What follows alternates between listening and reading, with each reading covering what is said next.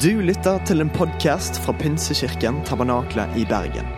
Vi tror at kirken skal være en plass hvor mennesker trives gjennom alle livets faser. En kirke for hele livet. Ønsker du å bli bedre kjent med oss eller holde deg oppdatert? Besøk vår Facebook-side eller ptb.no. Her er ukens tale. Oh yes! Så flott å være sammen. And heartily welcome to you who speaks English. Oh, everyone does. ¿Y para ti que hablas español? Muy bien. Du, hvis dere lurer, for det gjorde jeg rett før i stad, så leder Norge 2-1 i landskampen mellom Norge og Sverige. Du vet, Jeg vokste opp på grensa mellom Norge og Sverige, så det er nesten sånn derre ja, det, det er nesten som sånn der derby det vet du, liksom mellom eh, laga på hver side. Så får vi bare håpe at det holder seg der. Det ikke blir eh, noen flere reduseringer opp igjennom. Men det er ikke det vi skal snakke om i kveld. Men vi kunne jo ha snakka om det. For det hjertet er fylt av det taler munnen, er det ikke det de sier? Nei, Jeg er litt fotballfan, eh, men jeg har eh, ei kone som er enda mer. Og det er det ikke alle som har. Så eh, der har jeg vært heldig. Du, I dag skal vi snakke om noe som er veldig mye viktigere enn fotball. For fotball kan man bli kjempeglad for den ene dagen, og så kan man bli kjempeskuffa for dagen etter. Eh, det er sånn med ballen. Den er rund, og den går holdt på å si dit den vil. Men så er det én ting som ikke går dit den vil, men det står fast til evig tid, og det er Guds ord. Og det skal vi få lov til å dele litt om i dag. Eh, Bibelen, det er eh, en bok som eh, er både elsket og hatet av utrolig mange mennesker. Men for oss som er troende, så er det faktisk bruksanvisninga vår for livet. Og jeg vet ikke, Nå er jo eh, mange av dere vant til å sikkert eh, mikse og mekke med Ikea-møbler og Jysk-møbler. og det, det, er de jeg vet om som liksom kommer med en sånn liten bruksanvisning.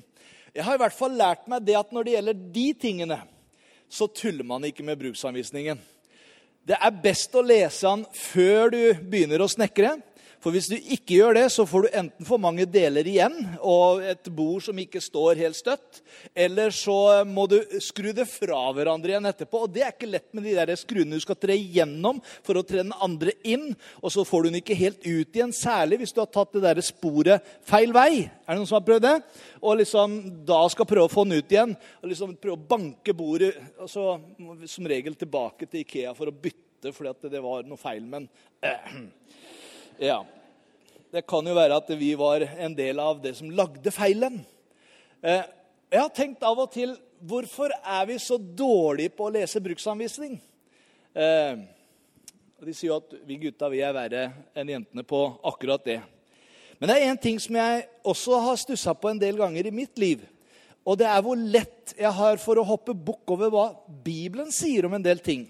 Men først når jeg kommer i problemer, når jeg kommer i vanskeligheter, så går jeg til Bibelen og sier, 'Hjelp! Hva gjør jeg nå?' Og så har Bibelen noe som den da ønsker å fortelle oss om akkurat det. Som kan være til hjelp for oss, som ville ha hjulpet oss enda mye mer hvis vi hadde lest bruksanvisninga først. Sånn er det eh, med Guds ord. Og det er eh, utrolig flott å få lov til å ha en bok som er nettopp det. Fordi mennesker har mange gode ideer, men eh, det som er enda viktigere, det er hva sier Gud? Han som er vår skaper, han som kjenner oss. Hans ord, Bibelen, er nettopp bruksanvisningen vi trenger for å kjenne Gud og forstå hvorfor han skapte oss, hvorfor vi er til, og hvilken hensikt vi har i livet. For mange år siden så eh, var det en skipskaptein, en eh, selger, som seilte rundt omkring. Og du skjønner at det er lenge siden når de seilte rundt omkring. Som ankra båten opp i en havn i en vakker sydlandsøy. Han hadde hørt om folket der som tidligere var kannibaler, altså spiste mennesker, men nå var så vennlige og interessert i handel. Og mens kapteinen snakket med øyas høvding, så la han merke til at han bar på en stor bibel under armen. Og kapteinen han smilte for seg selv og bemerket Du tror vel ikke på den gamle boka der, sa han. Den er gammeldags og betyr ikke noe for oss mer. Høvdingen så på den staute krigerne som sto ved siden av han. Så titta han på kapteinen, og så sier han, 'Du tror kanskje at denne boka er unyttig, men jeg skal fortelle deg noe som du ikke vet.' 'Den er til stor hjelp for deg akkurat nå.' For hvis det ikke hadde vært for denne boka her, så hadde du ligget i den gryta der nå.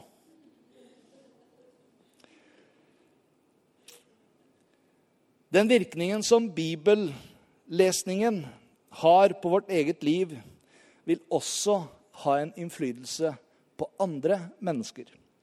Og Kapteinen i denne historien trakk nytte av at noen andre hadde lest Bibelen.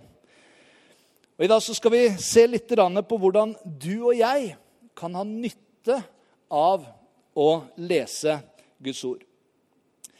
Som jeg sa, som kristne så er Bibelen vår endelige autoritet i alt. Jeg tror Bibelen er Guds ord skrevet til oss for at det skal gås godt. Du kan jo selvfølgelig lese trafikkreglene når du leser opp til eh, kjøreeksamen og sånn, og tenke at hvorfor i all verden skal de gjøre det så vanskelig for oss å sette opp så mye regler? Men etter hvert som du begynner å kjøre, så tenker du takk Gud for alle de reglene. Ellers så hadde det vært kaos å kjøre. Kan du ta deg en tur ned i Dubai og eh, andre steder nedover i India og se hvordan de kjører der mellom kuer og esler og alt som er, så vil du skjønne at det er sannelig godt at vi har litt regler. Og reglene, de er der for å beskytte oss. Og sånn er det også med Guds leveregler for oss.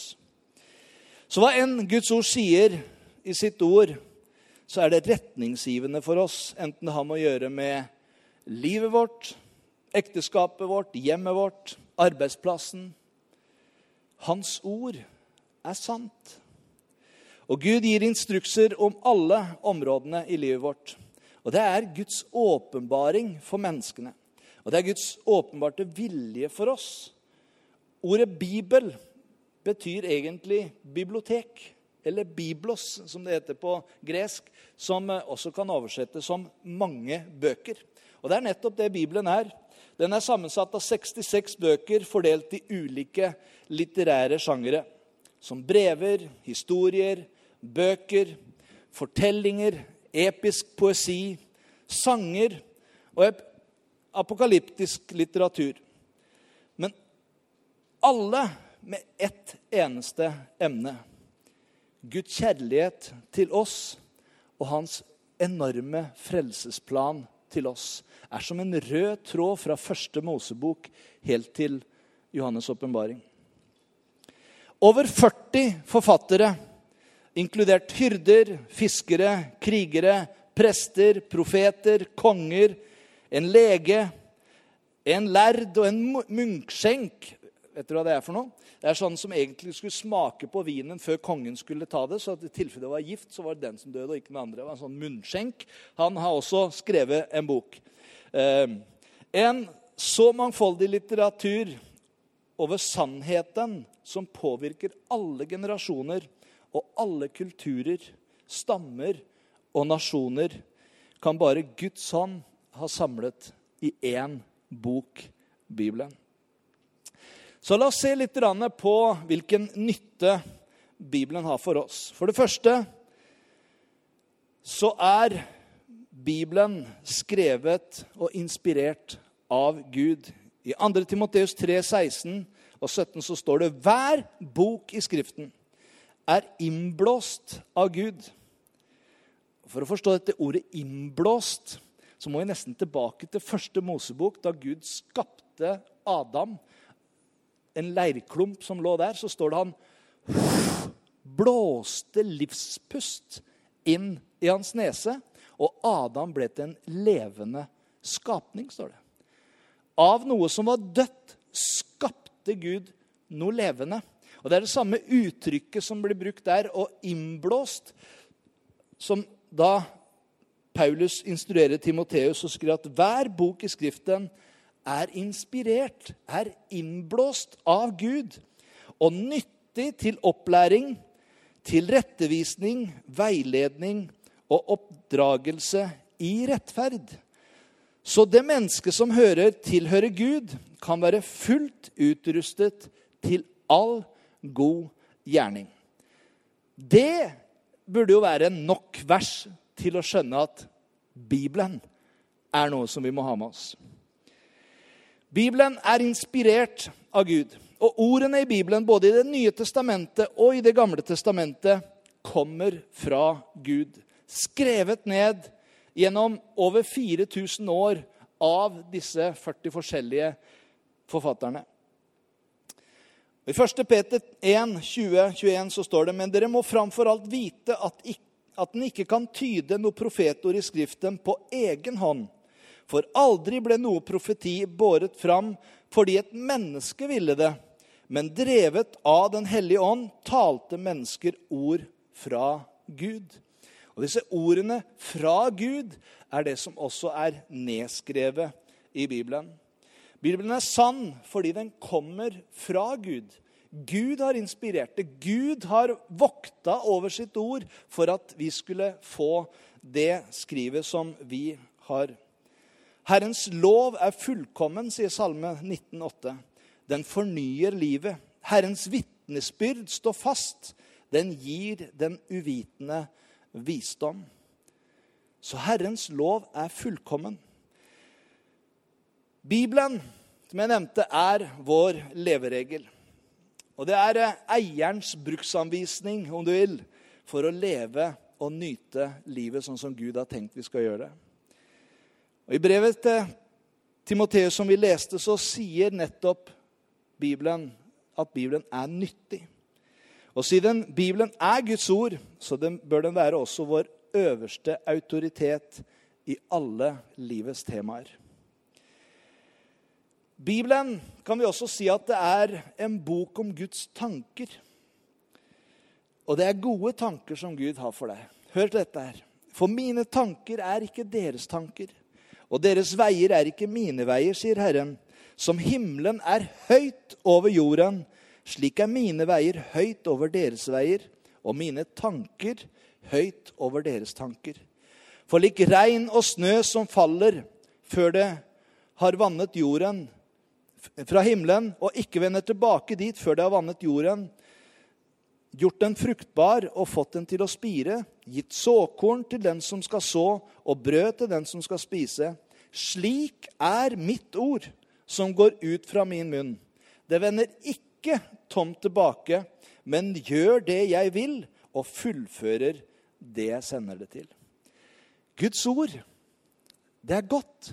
Og hvis vi leser Guds ord med det i bakhodet at hans vilje for oss er god Han har gode tanker for oss, ikke ulykkestanker for oss. Gud, hvorfor i all verden skrev du dette? Er du ute etter meg? Vil du ta meg? er en naturlig reaksjon av og til når vi ikke forstår eller ønsker å gjøre motsatt av det Guds ord sier. Men så sier Gud, ja, men jeg har jo gode tanker for deg. Jeg har jo fredstanker for deg. Jeg vil gi deg framtid. Jeg vil gi deg håp. Og hvis du går på den veien, så er det ikke sikkert du får det. Men derfor så ønsker jeg å dra deg inn igjen på den veien. For det er veien til velsignelse for deg. Hvis du forstår at Gud i grunnen er god, og ikke en som er ute etter oss, så blir vårt forhold til også Guds ord annerledes. Gud og Hans ord er én. Det høres litt rart ut, men når du leser eh, i Johannes 1 så står det at i begynnelsen var Ordet. Ordet var hos Gud, og ordet var Gud. Han er Ordet. Han sier ikke bare ord, men han lever Ordet. Han ånder Ordet, og han er oppfyllelsen av Ordet.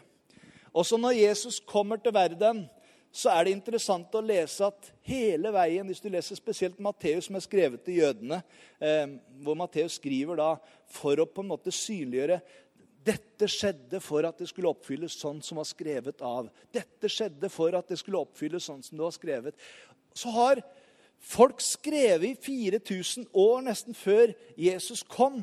Og så kommer Jesus, og så oppfyller han til punkt og prikke det som andre allerede hadde skrevet om han. Det ser nesten tilfeldig ut, men det virker som at det er en som har en masterplan for livet vårt, og som gjør at vi kan få lov til å leve etter den.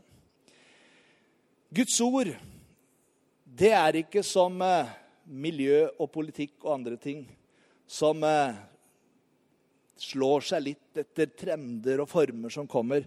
Nei, Guds ord det forandres ikke. Heller ikke Hans ord. I 1. Peter 1, 24 og 5 står det gresset visner og blomsten faller av, mens Herrens ord varer til evig tid. Dette ordet er evangeliet som er forkynt til dere. Så Guds ord står fast.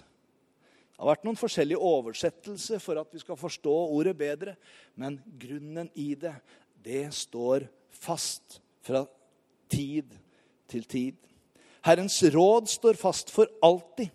Hans hjertes planer fra slekt til slekt. Og Skriften som Guds skrevne ord det er perfekt, og det er rent. Ja, Åssen kan du si det, sier du. Igjen, Salme 12, vers 7. Herrens ord er rene ord. Sølv som er lutret i smelteovnen, sju ganger renset. Og det er ikke sånn at Når Bibelen ofte snakker om tallet sju, at ja, har du bare duppa deg sju ganger, eller har du bare rensa det sju ganger? Så. Men sju det er liksom et annet uttrykk for evinnelig. Altså, det tar aldri slutt. Du kan rense det så mange ganger du vil, men det er, og det forblir, rent. Det er sånn det er. Guds ord det tilbyr også løsninger for alle våre livs utfordringer. Guds ord det har også makt i seg. Det gir åndelig utvikling til livet vårt. Vi ble født inn i Guds rike. Den hellige ånd flytter inn i våre liv. Og så er det Guds ord som på en måte blir malen for hvordan vi skal leve. Og Derfor så skriver Peter også at vi skal lengte som nyfødte barn etter ordets rene melk, så dere kan, ved den kan vokse til frelse. et litt rart uttrykk å vokse til frelse. Man kan nesten tenke når man leser det at ja, hvis jeg leser nok i Bibelen, så blir jeg frelst. Men det er ikke det det handler om. Frelsen den er av nåde, og den er når vi tar imot Jesus. Men å vokse til frelse er på en måte å kunne nå fram til det som han har tiltenkt oss, et evig liv sammen med han. I Johannes 8 så står det Jesus sa da til jødene som var kommet til tro på ham, hvis dere blir i mitt ord, er dere virkelig mine disipler. Da skal dere kjenne sannheten, og sannheten skal gjøre dere fri. Det å kjenne Guds ord, det å vite av Guds ord, det gjør også noe med oss. Det beskytter oss, det renser oss, det skaper noe i oss.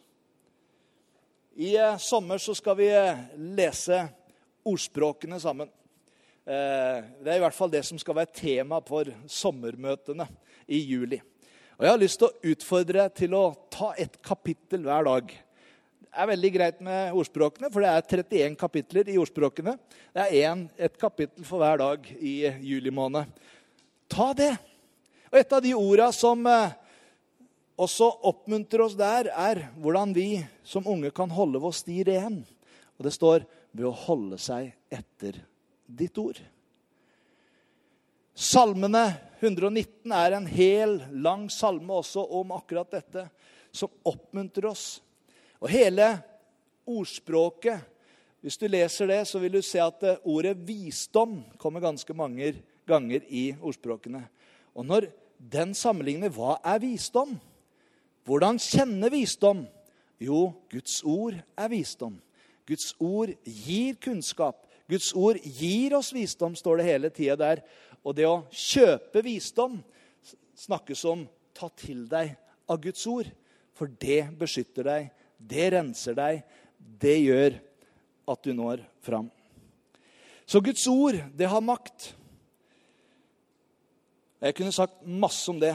Bare skapelsen. Gud sa, og det skjedde. Han bød, og det sto der. Flere ting som da vi kan få lov til å lære av det. Men den produserer også tro. Så kommer da troen av det budskapet en hører, og budskapet kommer av Kristi ord, altså Guds ord, Bibelen. Jeg tar til meg av Guds ord. Jeg tror Guds ord i mitt hjerte. Og så begynner jeg å handle på Guds ord. Og så får jeg se at Guds ord ikke bare er sant, men det virker i livet. Og så forårsaker det en endring i vår måte å tenke på og i vår måte å leve på. Derfor formaner jeg dere ved Guds barmhjertighet, søsken, bær kroppen fram som et levende, hellig offer til glede for Gud.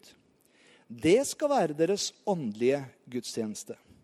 Og innrett dere ikke etter den nåværende verden, men la dere forvandle ved at sinnet fornyes, så dere kan dømme om hva som er Guds vilje, det gode, det som er til glede for Gud, det fullkomne. Han har alt dette for oss og ønsker at vi skal få lov til å grave oss ned i det skattkammeret og få lov til å lære av det. Guds ord det gir deg alt det du trenger til ditt åndelige liv og til din utvikling som kristen. Jesus han svarer igjen i Matteus 4. Det står skrevet mennesket lever ikke av brød alene, men av hvert ord som kommer ut av Guds munn. Guds ord, det har løfter til alt det vi trenger. Ja, alt vi trenger for å leve i Guds frykt, har Hans guddommelige makt gitt oss i gave ved at vi kjenner Han som kalte oss ved sin egen herlighet og makt. Slik skal vi. Slik har vi fått de største og mest dyrebare løfter, og ved dem skulle dere få del i guddommelig natur når dere har sluppet unna forfallet som kommer fra lystne i verden. Du må lese hele det kapitlet for å få helheten i det. Men det handler nettopp om det at det å leve i Guds frykt, det å leve til Guds ord, det å følge Hans løfter til oss, det gjør at vi kan få lov til å se framtiden med andre øyne. Og Gud taler til oss også gjennom sitt ord. Han virker i våre hjerter, i våre tanker, gjennom sitt ord. Derfor takker vi stadig Gud, for da dere fikk overlevert det Guds ord som vi forkynte dere, tok dere imot det. Ikke som menneskeord, men som det Guds ord det i sannhet er. Og dette ordet er virksomt i dere som tror, sier Paulus til tesalonikerne. Guds ord. Og jeg har mange ganger eh, blitt oppmuntra nettopp av Guds løfter og Guds ord. Og kanskje enda mer i den tida som vi har hatt bak oss, så har jeg bare av og til bare våkna på natta hvor jeg liksom ligger og på en måte nesten drøvtygger på Guds ord. Det er min måte å si 'huske på det'. Eh, og det er noe, men altså, Du kan jo ikke huske på noe du ikke har lest. Og Derfor er det så viktig at vi tar til oss av Guds ord. For plutselig så står du i en situasjon, plutselig så står du i en utfordring, en fristelse, eller noe som du på en måte kjenner dette er vanskelig. Hva gjør jeg nå? Og så får du bare plutselig opplevelsen av at Gud er der. Og så minner han deg på noe du har lest. Og så blir det til en oppmuntring for deg. I tider av økonomiske vanskeligheter og sykdommer osv. Så, videre, så er det et ord som jeg mange ganger har hørt i min underbevissthet Benjamin, har jeg ikke sagt deg. Vær ikke bekymret for noe, men legg alt det du har å be om, fram for meg, i bønn og påkallelse med takk. Og så skal min fred, som overgår all forstand, bevare ditt hjerte og tankene dine i meg. Altså, jeg vet jo det, Gud. Takk for at du minner meg på det allikevel igjen. For det er så lett å glemme det. Det er så lett å ta Guds posisjon og skal løse alle ting. Men så får vi lov til å oppleve at Gud har løsningen. Et ord som jeg av og til syns har vært litt interessant og Nå skal vi snart gå inn i soap det, som avslutning, bare for å forklare hvordan du kan bruke det.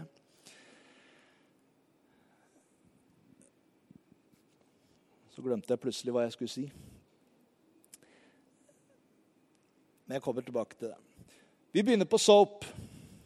Fordi soap er nettopp en måte Og eh, Ida sa det så bra. Hun er jo lærer, så hun kalte det for akronym. Var det ikke det hun kalte det?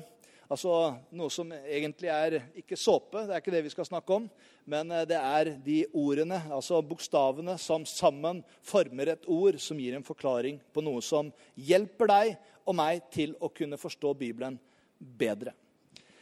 Så SOAP det står eh, for Scripture, Observation, Application and Prayer på engelsk. Og Skal vi oversette det til norsk, så blir det da Skriften, observasjon, anvendelse, eller applikasjon, kan man vel også si det på norsk, og personlig bønn. Og La oss se litt på akkurat dette. fordi det er en flott måte å lese Bibelen på. Og jeg har lyst til å oppmuntre deg. Du, eh, hvis du er en sånn racer som bare liker å bare pløye gjennom bøker, liksom eh, eh, Jeg har jeg gift med ei som er sånn, og kjøper en sånn tjukk bok, så er det bare liksom litt, så er den opplest. Skulle jeg lese en sånn bok, tar det meg ti år å lese en sånn roman som det der. Så finn dine kamper i hvordan du gjør det. Og jeg tenker, Det er ikke et mål for deg å liksom lese gjennom Bibelen så fort som mulig hvis det, du ikke sitter igjen med noen ting av det du har lest. Ta heller et kapittel eller et halvt kapittel eller noen vers, og så bruker du det. Derfor så oppmuntrer vi i juli måned les ett kapittel av ordspråkene. Og så tar du det. Og så kan du se når du leser f.eks. For, for å bruke SOAP-prinsippet, så leser du Skriften. Skriften, det er Guds ord. Tar til oss av Guds ord. Du slår opp i dagens kapittel i Bibelen, og så ber du Den hellige ånd om å vise deg et spesielt vers eller et avsnitt. Og Kanskje du skal skrive ned det verset eller det avsnittet eller hva det handler om, i en liten notatbok. For alltid så er det liksom, Når du leser et kapittel, sånn, så er det ett vers som liksom bare popper ut. Første biblene jeg hadde, de var sånne alle mulige farger. Eh, rød og gul og blå, eh, blå og alle mulige ettersom liksom, om det var sånn eller sånn. eller sånn. Jeg hadde liksom system på hva det var. Var det om kors og eh, frelse og sånn, så var det rødt. Og var det en hellig ånd, så var det gult. og så var det, altså Jeg hadde liksom mine systemer på det. Etter hvert så ble det sånn usystem i systemet at jeg måtte bare legge vekk hele Bibelen, kjøpe meg en ny bibel og begynne på nytt igjen. Men så tok det ikke så lang tid før strekene var der igjen. Eh, og så angra jeg nesten på det igjen, og så var det en ny bibel og en ny oversettelse osv. Det er bra å bytte bibel litt ofte, så liksom starte litt fresht. Fordi det som talte til meg som tolvåring, er ikke det samme som taler til meg nå. Eh, og Derfor så kan det være bra å på en måte starte litt på nytt igjen. Og det er sånn med Guds ord at har du lest f.eks. av ordspråkene 100 ganger før, så vil du alltid se noe nytt som taler til deg. Så du begynner å lese og ber om at eh, et eller annet skal få lov til å bare feste seg. Og så er det observasjon. Hva tror du Gud sier til deg gjennom denne teksten? Er det en oppmuntring der? Er det et løfte? Er det et bud? et bibelsk prinsipp. Hva kan jeg lære av det her? Kanskje du skal streke under noen viktige ord, eller skrive det ned i notatboka di, bibelverset, med egne ord. F.eks. det verset jeg nevnte. Vær ikke bekymret for noe, men legg alt dere har å be om framfor Gud i bønn og påkallelse med takk. Hva betyr det? Og hvis jeg skulle skrive om det, så kanskje det er fint å gjøre det personlig. Benjamin, Gud sier til deg at du skal ikke være bekymra for denne situasjonen du er i nå. Ja, men det kan han si, det. Han sitter ikke i mine sko, eller han har ikke vært igjennom det jeg har vært igjennom. I hvert fall ikke Paulus som skrev dette her i Filipperne. Jeg husker jeg argumenterte som en gud en gang ved å bruke dette prinsippet. Og plutselig så skjønte jeg at ja, men Paulus han skriver jo til filipperne. Hvem var de? Jo, det var der han hadde sittet i fengsel. Og hvor sitter han nå når han skriver til filipperne? Han sitter i fengsel i Rom. Så visste han hva han snakka om? Absolutt. Han visste hva bekymringer var, han visste hva utfordringer var. Han visste hva det var å bli urettferdig behandla. Og allikevel så skriver han, 'Vær ikke bekymret for noe'. Men så stopper han ikke der, for det ville vært urettferdig. Men han sier, 'Men legg alt det du har å be om', alt det som bekymrer deg, legg det på Gud'. Legg det på Gud. Kan jeg gjøre det, da? Og plutselig så kom jeg på et annet vers jeg hadde lest. Jesus sier, 'Kast alle deres bekymringer på meg, for jeg har omsorg for dere.' Og Så kan du bruke sopp på den måten der. Og så plutselig så blir de versa som du leser, det blir mer enn bare det verset. Men plutselig så begynner det å gjøre noe med meg. Det begynner å gjøre noe med hvordan jeg opplever dagen. Og når jeg plutselig kommer inn i det, så ser jeg det er jo oppmuntring der. Det er en formaning der. Det er en rettledning der om at jeg skal ikke gå og bære på dette. Jeg kan få lov til å legge det på han. Og hva gjør han isteden, da? Jo, han kommer med sin fred. Og i min ufred, både i hjertet og i tankene For du vet at all uro det begynner her oppe. Jeg hadde en gammel barnesang som heter 'Det begynner her i toppen, her i knoppen'. Så går det gjennom hele kroppen ned i mine tær. husker den? Eh, og det begynner ofte sånn, det begynner her i tankene våre. Vi begynner liksom å tenke. Og, og liksom, ja, men Hvis det skjer sånn, og hvis de sier det og, og, og Hvis jeg ber om tilgivelse, så kommer de sikkert ikke til å ville tilgi. Og hvis de ikke vil tilgi, så har vi på en måte laga hele historien på forhånd. Og så har det forbausa seg meg mange ganger når jeg endelig tar mot til meg og gjør det hvor lett det var. Og hvor mye av den historien jeg hadde laga på ting, ikke stemte i det hele tatt. Men noe av det Gud gjør, er at han hjelper oss å legge det på han, og så tar han sin fred, som er mye mer enn jeg kan forstå. Og så fyller han mine tanker med det, og så fyller han mitt hjerte med det. Så jeg kan kjenne at jeg får pusta igjen. Jeg kan få lov til å kjenne at jeg fikk legge av meg den bekymringen og legge det på Gud. Det er på den måten som du kan da gå inn i en observasjon. Hva sier dette verset til meg? Og så kommer du til anvendelsen av det. Og det har jeg vært litt innpå allerede. Gjør det personlig for deg selv og det du har lest, ved å spørre deg selv hvordan det angår deg og ditt liv nå. Og skriv gjerne ned hvordan teksten kan bety noe for deg og din hverdag. I dette eksempelet som jeg nevnte, så vil anvendelsen være Kanskje du ikke skal bekymre deg så mye over dette. Kanskje du skal tørre å legge det på Gud og la det ligge der. Og tro at Gud har mer kontroll over situasjonen enn det jeg har. Og så avslutter du med P. Personlig bønn eller prayer. Det kan være så enkelt som å spørre Gud om å hjelpe deg til å bruke denne teksten som du har lest. Eller om å vise deg en dypere mening i teksten. Husk at bønn også er en toveiskommunikasjon. Så hør også etter hva Gud har å si til deg når du ber etter at du har lest Guds ord. Lenge så hadde jeg en sånn form for bønn som jeg liksom bare Akkurat som jeg snakka liksom Gud, nå skal du høre her. Jeg trenger dette, jeg trenger det, og jeg ber deg for den og den og den og den. Og så får du uh, velsigne dagen min. Amen. Så la jeg på. Så dro jeg ut i hverdagen. Men etter hvert så følte jeg liksom Jeg hørte andre som ba, de bar så fint, og så fine formuleringer, og det var liksom så fine ord. Og så tenkte jeg de kan be. Og jeg har ikke lært det ennå. Etter hvert så skjønte jeg det at bønn, det handler jo ikke om fine ord. Og når du leser Jesu fortelling og hvordan han lærer sine disipler, så kan du lese i Matteus 6 hvor han sier ikke gjør som hyklerne, som står og holder lange, fine bønner for å bli sett og hørt av folk.